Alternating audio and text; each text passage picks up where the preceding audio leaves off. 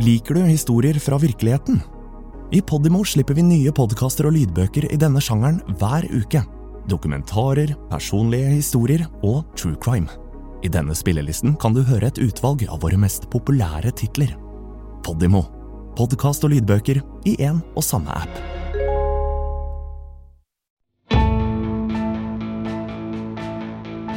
For krimjournalister over hele verden er det å rapportere om forferdelige hendelser en del av hverdagen.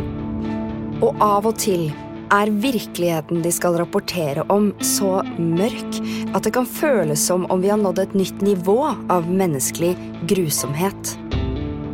For første gang har et nettverk av 600 krimjournalister invitert oss inn i de mørkeste avkrokene i deres jobbverden. De har delt historier om noen av de mest urovekkende sakene noensinne. Dette er gjenfortellinger av disse historiene. Velkommen til Mørkets arkiv. Først en bemerkning til deg som hører på. Disse fortellingene handler om voldsomme hendelser og i noen av episodene vil det være snakk om selvmord, seksuelle overgrep eller detaljerte beskrivelser av vold. Historien du skal få høre i denne episoden, inneholder en utvidet diskusjon om selvmord. Lytt med varsomhet. Tidlig i september 2004 krysset orkanen Ivan Mexicogolfen og satte kursen mot USA.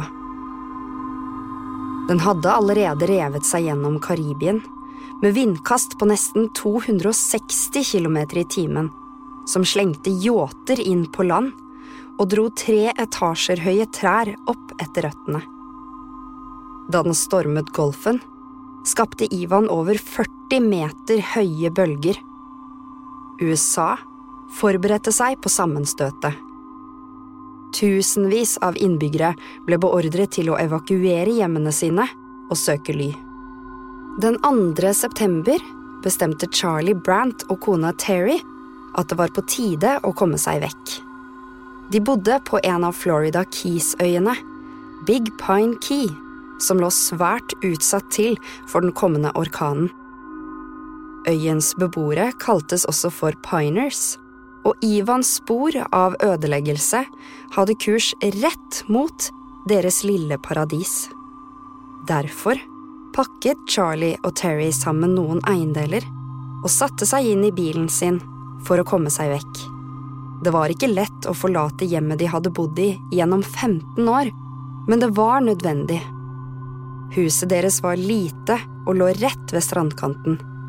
Sist gang en orkan av samme kaliber rammet USA, omkom 43 mennesker sør i Florida. Da paret kom seg inn i bilen og kjørte av gårde, var de smertelig klar over at de kanskje aldri ville se hjemmet sitt igjen. Og det viste seg at de hadde rett. Charlie og Terry kjører til Orlando.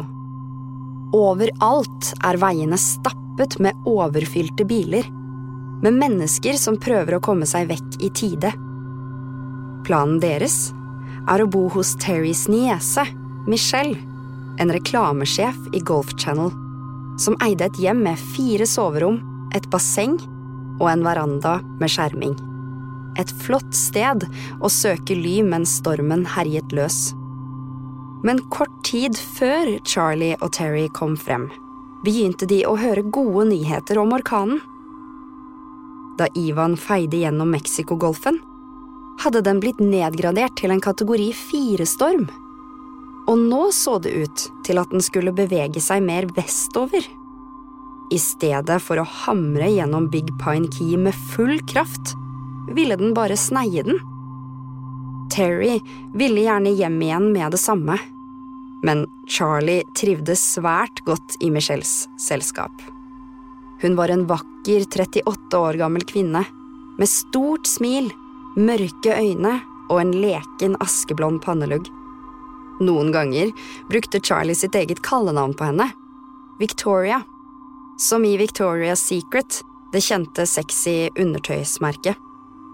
Da Charlie og Terry hadde bodd hos Michelle i nesten ti dager, blir Michelle oppringt av en venninne. Venninnen vil gjerne komme innom den kvelden, men Michelle sier at det er nok best om hun kommer en annen gang. Charlie og Terry har drukket en del, sier Michelle, og de har begynt å slåss. Det var dårlig stemning i huset. Akkurat som turister holdt seg unna Keysøyene når skyene fra orkanen veltet inn på himmelen, så var det bedre å styre unna Michelles hjem til gjestene hennes var borte. Venninnen la på og tenkte ikke mer på det hun hadde blitt fortalt. Men etter den kvelden sluttet Michelle å svare når telefonen ringte. Telefonen ringer og ringer, men forblir ubesvart, som om den står og ringer i et forlatt hus. Michelles mor begynner å bli engstelig. Det var jo alltid så lett å komme i kontakt med datteren. Derfor ringer moren til Debbie Knight, en av Michelles nære venninner, og ber henne sjekke om Michelle har det bra. Bare stikke innom huset. Sørge for at alt er i orden. Da Debbie kom frem til Michelles hjem, så hun bilen hennes i oppkjørselen. På dørstokken lå to aviser pakket inn i plast, og postkassen var overfylt med flygeblader. Debbie ringte på, men ingen svarte. Så hun prøvde å åpne døren, men den var låst. Derfor gikk hun rundt huset, til garasjen, i håp om å komme seg inn derfra. Men da hun nådde garasjedøren i glass og så inn, frøs hun. Dinglende fra takbjelkene mellom den blå mastaen og den svarte akuraen hang et mannslik. Han lignet en turist med blå shorts og hvit polo. Han hang der i noe som lignet et gult laken, strammet rundt halsen. Det fuktige været hadde ført til at nedbrytingsprosessen av kroppen hans hadde kommet langt. Debbie snudde seg bort fra det lilla liket og ringte politiet. Politifolk tvang seg inn i huset og gikk inn i stuen. Det var der de fant Terry. Charlies kone satt på sofaen, med ingenting annet på seg enn en gul T-skjorte. På bordet ved siden av henne sto et tomt vinglass. Hun hadde blitt knivstukket i brystet syv ganger. Den gode ventilasjonen i huset gjorde at hun ikke var like oppløst som ektemannen som hang i garasjen. Politifolket satte kursen opp, langs gangen og inn på hovedsoverommet. Det de fant der, gjorde at dette virket mindre som et soverom og mer som en operasjonsstue. To ting var helt tydelig. Det ene var at liket på sengen var Michelles. Det andre var at den eneste som visste hva som hadde skjedd her med disse kvinnene, sannsynligvis hang i garasjen. Alle dørene var låst fra innsiden. Rundt midnatt blir Angela Brant vekket av at telefonen ringer. Det var faren hennes. Han fortalte henne at flere lik hadde blitt funnet i huset til Terrys niese. De sier det ikke høyt, men begge vet at de tenker på det samme. Bare de to visste sannheten om Charlie. En sannhet som hadde vært begravet i årevis, og de hadde begge håpet at det skulle forbli slik, for alltid. Men nå skulle den ut. Et par dager senere var Angela i avhør i Orlando. Politiet lette etter en forklaring på det de hadde funnet i huset. De fikk det bare ikke til å stemme. Alle kjente Charlie Brant som en stille og ydmyk fyr. Ingenting ved han tydet på at han var voldelig. Og absolutt ikke at han kunne være i stand til å gjennomføre det som hadde blitt gjort inne på Michelle sitt soverom. Foreløpig var det beste motivet de kunne komme på at volden på en eller annen måte var knyttet til et barndomstraume. Angelas yngre søster hadde allerede fortalt politiet at da hun bare var tre år gammel, hadde moren deres omkommet i en bilulykke. Nå spør politiet Angela direkte. Tror du ulykken hadde noe med Charlies forbrytelse å gjøre? Sannheten Hemmeligheten hun deler med sin far, manifesterer seg i bevisstheten hennes. Nå er det over. Hun er nødt til å fortelle hele historien. Nei, sier hun, lillesøsteren tar feil. Det som skjedde i huset, har ingenting med bilulykken å gjøre. Selv om søsteren hennes trodde det, hadde det aldri vært noen ulykke. Moren deres døde på en annen måte. Charlie og Angelas foreldre var tyske immigranter som opprinnelig hadde bosatt seg i Connecticut. Faren deres, Herbert, var prosjektingeniør for en produsent av landbruksutstyr, og moren deres, Ilsa, var en hengiven husmor. Da Herbert fikk jobben, måtte han overføres til Fort Wayne i Indiana, en produksjonsby som fortsatt nøt godt av etterkrigstidens overflod. Familien fulgte med. Men til tross for velstanden likte ikke Brant-familien Fort Wayne. Det var midt i ingenmannsland, et flatt landskap med en uendelig horisont. De fant seg aldri helt til rette, og lengtet tilbake til Connecticut. Eller et nytt og bedre sted. Kanskje det nye stedet var Florida? Familien Brant dro alltid på ferie dit reiste dit hver gang de hadde mulighet. De pakket bilen full og kjørte i 20 timer ned mot kysten. De store bølgene og den salte luften var akkurat det de ønsket seg, det de lengtet etter hjemme i Fort Wayne. Om morgenen tok Herbert med sin unge sønn Charlie ut på jakt etter fugler og småvilt. Deretter når far og sønn vendte tilbake med byttet sitt, ble de med Angela og Ilsa på stranden. Her tok Ilsa seg hånd om deres to yngre døtre. Begge to var under fire år gamle. Og det skulle komme enda et barn, for Ilsa var gravid nok en gang. Det var en lykkelig tid for familien. Men fra tid til annen trengte et mørke seg på idyllen deres som en stormsky som samler seg på Mexicogolfen. Under juleferien i 1970 tok Herbert og Charlie med seg familiehunden og dro på jakt. Hunden var verken lydig eller renslig, og det var 13 år gamle Charlie som tok ansvar for den. Det var han som måtte rydde opp i hundeskiten som lå på gulvet, og det var han som måtte prøve å dressere den. Av en eller annen grunn ble Charlies far grenseløst irritert på hunden. Herbert kunne rope og rope på den, men hunden var fullstendig likegyldig. Den ville bare snuse videre og ignorere ham.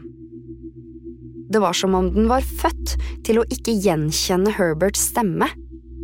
Det gjorde Herbert gal, og særlig gal akkurat denne morgenen da de skulle på jakt. Hunden løp inn i buskene. Og uansett hvor hardt Herbert insisterte på at den skulle komme tilbake, gjorde den ikke det. Der gikk grensen. Herbert grep tak i geværet og skjøt noen skudd inn i buskene. Senere sa han at han bare ville skremme hunden, at ulydighet skulle straffes med den skremmende lyden av et rifleskudd men kanskje et ubevisst ønske om å faktisk treffe hunden førte til at han gjorde nettopp det. Kula gikk rett gjennom hunden, og lille Charlie så livet forsvinne ut av de varme, brune øynene. Men han tillot seg ikke å gråte. Han svelget tårene. Han var en jeger. Han var en mann. Da ferien var over, var ikke familien fullt så avslappet som vanlig da de satte seg i bilen for å reise tilbake til Indiana. For hver kilometer ble verden mer og mer fargeløs. Et tykt lag med snø dekket alt. Det stikk motsatte av Florida-kysten. De svingte inn i oppkjørselen for å møte den triste hverdagen hjemme. For Charlie var dette en spesielt ulykkelig hjemkomst. Han hadde utsatt en skoleoppgave som egentlig skulle leveres før juleferien, og nå var det ingen vei utenom. Om kvelden, den 3. januar i 1971, var alt rolig i familien Brants hjem. Familien hadde spist en enkel middag med svinekoteletter, grønne bønner og hash browns, den amerikanske versjonen av røstipoteter. Deretter hadde de spredt seg rundt i huset og tilbrakt kvelden hver for seg. Charlies søster Angela var oppe på rommet sitt, omgitt av The Beatles-plakater på veggene. De to yngste døtrene sov allerede, og foreldrene hans var på badet. Herbert barberte seg foran speilet, mens Ilsa tok et bad og leste Time Magazine. Nå var Ilsa gravid i åttende måned, og trivdes best i badekaret, hvor hun kunne lindre belastningen fra den store, tunge magen. Det eneste unormale i huset foregikk nede på kjøkkenet, der Charlie satt ved bordet og slet med skoleoppgaven sin. Uten forvarsel eller forklaring var det noe i hjernen hans som gikk i stykker, og plutselig var han ikke seg selv lenger. Charlie var blitt en maskin, en maskin styrt av en eller annen mystisk kraft. I denne transelignende tilstanden fant den 13 år gamle gutten Herberts pistol i skuffen. Faren hans hadde lært ham hvordan han skulle lade pistolen. Tanken var at sannsynligheten for ulykker ville være mindre dersom Charlie visste hvordan han skulle bruke den. Med pistolen ladet og klar i buksa satte Charlie seg tilbake ved kjøkkenbordet og fortsatte å jobbe med oppgaven, som om han nettopp hadde vært og henta seg litt snacks. Men det var som om pistolen lå og dunket i buksene hans, med sin egen vilje over hva som skulle skje videre. Plutselig reiste han seg og skyndte seg opp trappene til badet, der Herbert barberte seg og Ilsa badet. Før noen av dem rakk å reagere, åpnet Charlie døren, løftet pistolen og begynte å skyte. De tre første skuddene traff moren hans i karet. Kulene bora seg vei gjennom den store magen hennes og drepte øyeblikkelig hennes ufødte sønn. Mørkt blod blanda seg med såpevannet mens Charlie fortsatte å skyte Herbert, som fremdeles hadde barberskum i ansiktet. Så snudde Charlie seg og forlot badet og satte kursen mot Angelas rom. Mens han blødde fra flere skuddsår, kjempet Herbert seg over til badekaret for å dra ut proppen av sluket. Han ville ikke at kona skulle drukne i det blodige karet, men det var for sent. Hun var allerede død. Fra soverommet sitt hadde Angela hørt skuddene, men før hun rakk å reagere, var Charlie inne hos henne. Han trykket på avtrekkeren, men det eneste som kom ut av pistolen, var et lite klikk. Ingen kule ble avfyrt. Magasinet var tømt inn i foreldrene. Hei! Har du lyst til å høre mer som denne podkasten, men helt reklamefritt? Da vil jeg anbefale deg å laste ned Podimo-appen for en gratis prøveperiode. Ikke bare finner du kvalitetspodkaster innen alle sjangere, men også flere av de mest populære lydbøkene. Alt sammen i Podimo-appen. Angela kommer aldri til å glemme brorens hypnotiske blikk, den mystiske kraften som viste seg i øynene hans. Hun kastet seg etter ham, rev pistolen ut av grepet hans og sparket den under sengen. Midt i slåsskampen kom han ut av transen, som om han hadde gått i søvne og nettopp våknet. Han så forskrekket på Angela. og begynte å forstå hva han hadde gjort. Angela måtte tenke raskt. Hun måtte ikke gjøre han mer opprørt enn han allerede var. I stedet sa hun at hun ville hjelpe ham. Hun var hans søster, hans allierte. Det skulle ikke komme noe vondt ut av dette. De kunne stikke av, alle søsknene samlet, og flytte til et hippiekollektiv. Charlie virket lettet over å la henne ta føringen. Alt han trengte å gjøre, sa hun, var å gå til toppetasjen og hente noen tepper.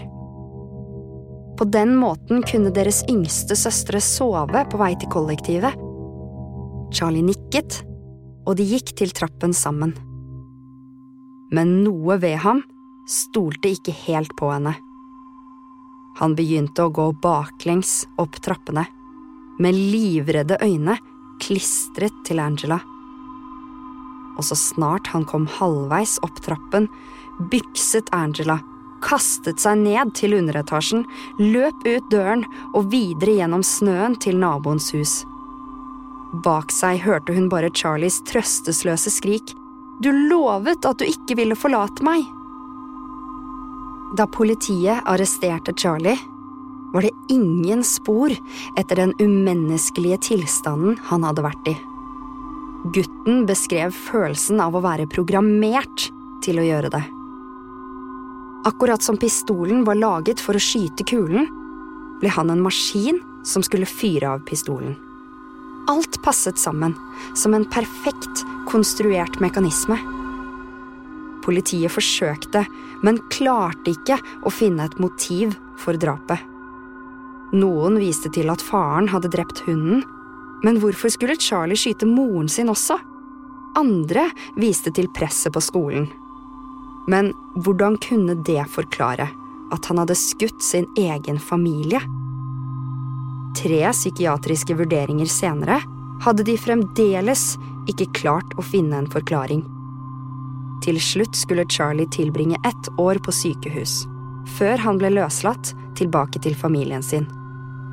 Faren Herbert hadde overlevd, og da politiet tok Charlie med for å besøke ham, spurte den lille gutten om han fikk lov til å gråte. I mellomtiden fikk Herbert Angela til å love å aldri snakke om drapet igjen. De to yngste døtrene hadde sovet gjennom det hele, og hvis de noen gang spurte, ville de bli fortalt at moren deres døde i en tragisk bilulykke. I begravelsen hadde lille Charlie fotlenker. Det var det siste synlige tegnet på at gutten hadde noe å gjøre med Ilsas død. Angela holdt helt tyst om det som skjedde den kvelden. Helt frem til 2004, da politiet i Orlando spurte henne om Charlie Brant, og lurte på hvordan et menneske noen gang kunne gjøre det han hadde gjort. Da orkanen hadde passert, dro politiet ned til Big Pine Key for å ransake Charlie og Terrys strandhus. Det de fant, pekte snarere på en metode framfor en grunn for drapene. Som stablene med Victoria's Secret-magasiner som Charlie hamstret. Det hadde jo vært kallenavnet hans på Terrys niese Michelle, som de fant lik av på soverommet. Kanskje han hadde en seksuell besettelse eller et ikke-gjengjeldt begjær som han ikke kunne undertrykke lenger. Men hvis Charlie var besatt av Michelle, eller en hvilken som helst kvinne for den saks skyld, så handlet det om mer enn sex. Politiet fant også bøker om menneskelig anatomi og kirurgi, og bak en soveromsdør var en plakat festet til veggen. En plakat som egentlig var ment for medisinstudenter. En kvinne var avbildet. Halvt kjøtt, halvt skjelett. Var det slik Charlie Brant oppfattet kvinner? Så han gjennom hud og hår og helt inn til deres knokler og organer? Da de begynte å grave gjennom datamaskinen hans, fant politiet søkeord som minnet om det han hadde gjort i Orlando. Obduksjoner av døde kvinner og sløying. Nå begynte politiet å undersøke årene mellom Charlies sykehusopphold og den dagen han hang seg i Michelles garasje. De oppdaget at på en merkelig måte hadde det å skyte foreldrene sine ført til at lille Charlie fikk det som han alltid hadde ønsket seg, å komme seg vekk fra kjedelige Fort Wayne i Indiana. Da han ble løslatt på begynnelsen av 70-tallet, tok faren Herbert med familien og flyttet til Florida. Som om de kunne leve videre på en evig ferie, en permanent flukt fra virkeligheten. Men det tok ikke lang tid før Herbert innså at han hadde det bedre som ingeniør i Indiana. Problemet var bare at Charlie nå hadde slått seg til ro på high school, og Herbert ville ikke tvinge han til å starte på nytt et annet sted, enda en gang. Familien hadde flyttet på seg mange nok ganger nå. Hele livet var Charlie en gutt som holdt seg i bakgrunnen og observerte. Det er det du gjør når du alltid er den nye gutten. Han som alltid prøver å tyde de mystiske skikkene til menneskene rundt seg, i håp om å knekke koden, slik at han kanskje ville bli inkludert. Så i stedet for å ta Charlie med seg tilbake til Indiana, overtalte Herbert foreldrene sine til å flytte fra Tyskland til Florida. Da kunne de ta seg av Charlie, frem til han ble ferdig på high school. Charlies søster Angela bodde allerede for seg selv. Og Herbert tok med de yngste døtrene sine og returnerte til Indiana. Fra nå av var Charlie alene. I 1984 fullførte Charlie en grad i elektronikk og ble ansatt som radiospesialist hos Ford Aerospace i den lille byen Astor i Florida. Rett i nærheten, i Daytona Beach, møtte han Terry, sin fremtidige kone. Noen felles venner av dem hadde satt dem opp på en blind date. Før de møttes, ante ikke Terry hvordan Charlie så ut. Og i løpet av forholdet deres forsto hun kanskje ikke helt hvem han egentlig var heller. Da de giftet seg i 1986, var seremonien så privat at ikke engang deres nærmeste familie ble invitert. Charlies søster Angela ville for alltid lure på om han fortalte bruden sin om den skjebnesvangre natten i 1971. Da Charlie tok knivene fra kjøkkenskapet og angrep Terry på sofaen hos niesen hennes i Orlando, var han da en fullstendig fremmed for henne? På samme måte som på blinddaten deres? Eller visste Terry alt, og lurte på om det kunne skje igjen? At en mystisk kraft ville overta ham, og ingenting hun sa eller gjorde, kunne stoppe ham? Fem år etter at de giftet seg, flyttet Charlie og Terry Brant inn i drømmehjemmet sitt i Big Pine Key, og ble piners for livet. Det huset der politiet fant anatomiplakaten, og bøkene om kirurgi. Det vekket et minne hos politiet. Og et større, mer uhyggelig bilde begynte å danne seg. Året Charlie og Terry flyttet inn, nå som politiet tenkte på det, var det ikke også det året de fant den kvinnen under brua?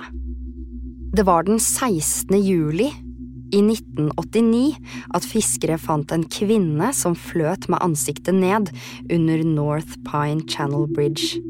Hun ble identifisert som Sherry Perisho, en 38-åring som bodde på en liten båt. En av de mange hjemløse i området som samlet seg ved golfen. Det som skjedde med henne, var på ingen måte et uhell. Halsen hennes var kuttet over på brutalt vis, så ille at hun nesten var halshugget. Saken ble henlagt nesten med en gang, og svarene på drapet hennes skyllet ut i havet. Men nå, 15 år senere, lurte politiet på om dødsfallet hennes kunne knyttes til mannen som hadde bodd i strandhuset, rett i nærheten. De undersøkte bevisene på nytt, Og riktignok samsvarte Charlie Brant med beskrivelsen av en mann som ble sett nedover broen den kvelden. Politiet målte avstanden mellom Brant-huset og der de fant liket. Det var mindre enn 300 meter. Og da Terrys bror var i avhør, fortalte han politiet noe sjokkerende. En gang hadde Terry sagt til han at hun mistenkte Charlie for drapet. Plutselig begynte brikkene å falle på plass, og historien om Charlie Brant tok form. Da politiet begynte å spore bevegelsene hans gjennom årene, og trakk linjer til andre uoppklarte drapssaker, innså de at han hadde drept hele tiden. Det var Darlene Toller, en sexarbeider fra Miami. Kroppen hennes ble funnet nær en motorvei i Florida i 1995. Hodet hennes var borte, og hjertet hennes var kuttet ut og pakket inn i plast.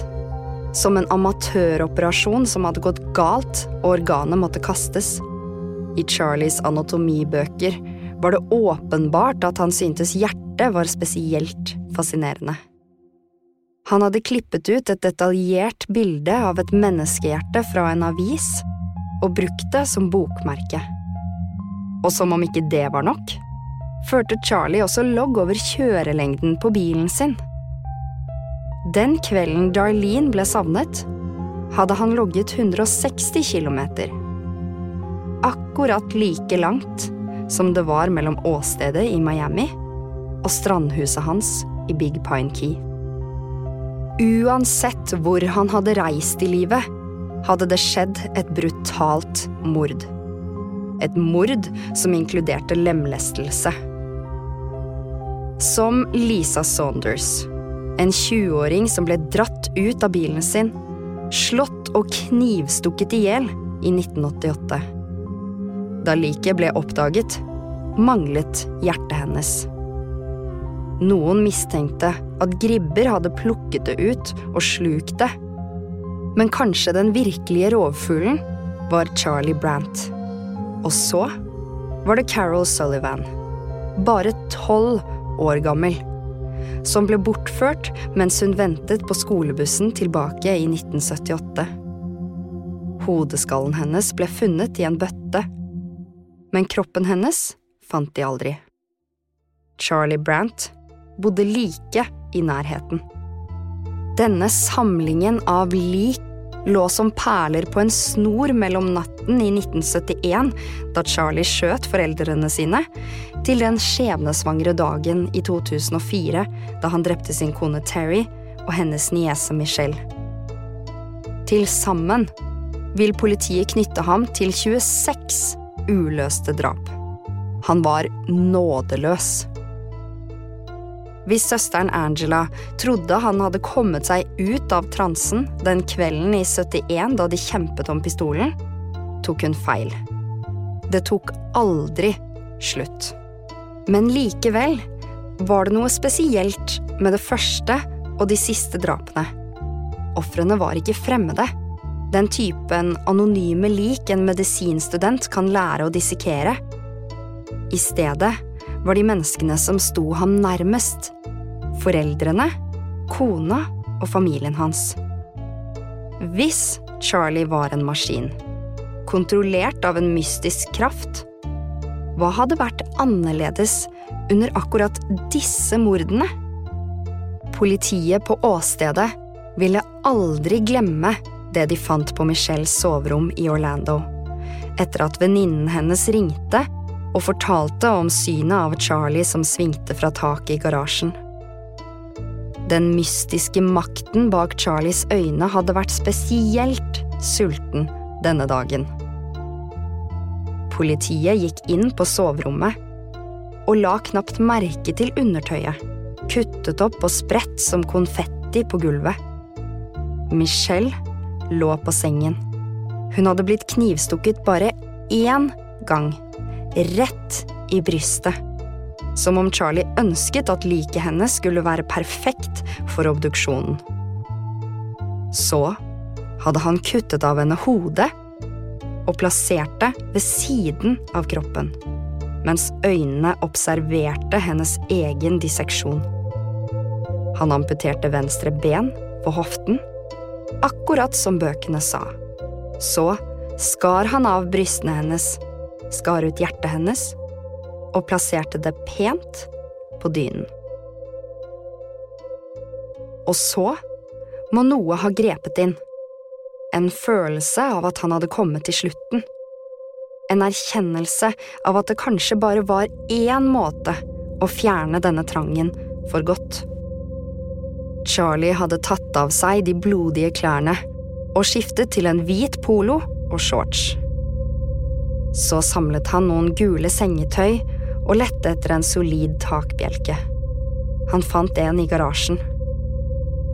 Han klatret opp på trappestigen, festet løkken til taket og knyttet den rundt halsen. Med ett avgjørende spark veltet trappestigen vekk, og Charlie falt. Endelig hadde han tatt makten over den mystiske kraften som hadde kontrollert ham i alle disse årene. Nå var det over. Trenger du noen å snakke med, kan du alltid kontakte Mental Helses hjelpetelefon på 116 123. Den er åpen hele døgnet, alle dager året rundt. På telefonen kan du være anonym, og personen du snakker med, har taushetsplikt. Du har hørt fjerde episode av Mørkets arkiv. En samproduksjon av Podimo og Vespucci. Gjenfortalt av meg, Ingrid Karlin Lauritzen. I neste episode får du høre en historie om et dødelig nettsamfunn. Og en helt spesiell sjelesørger.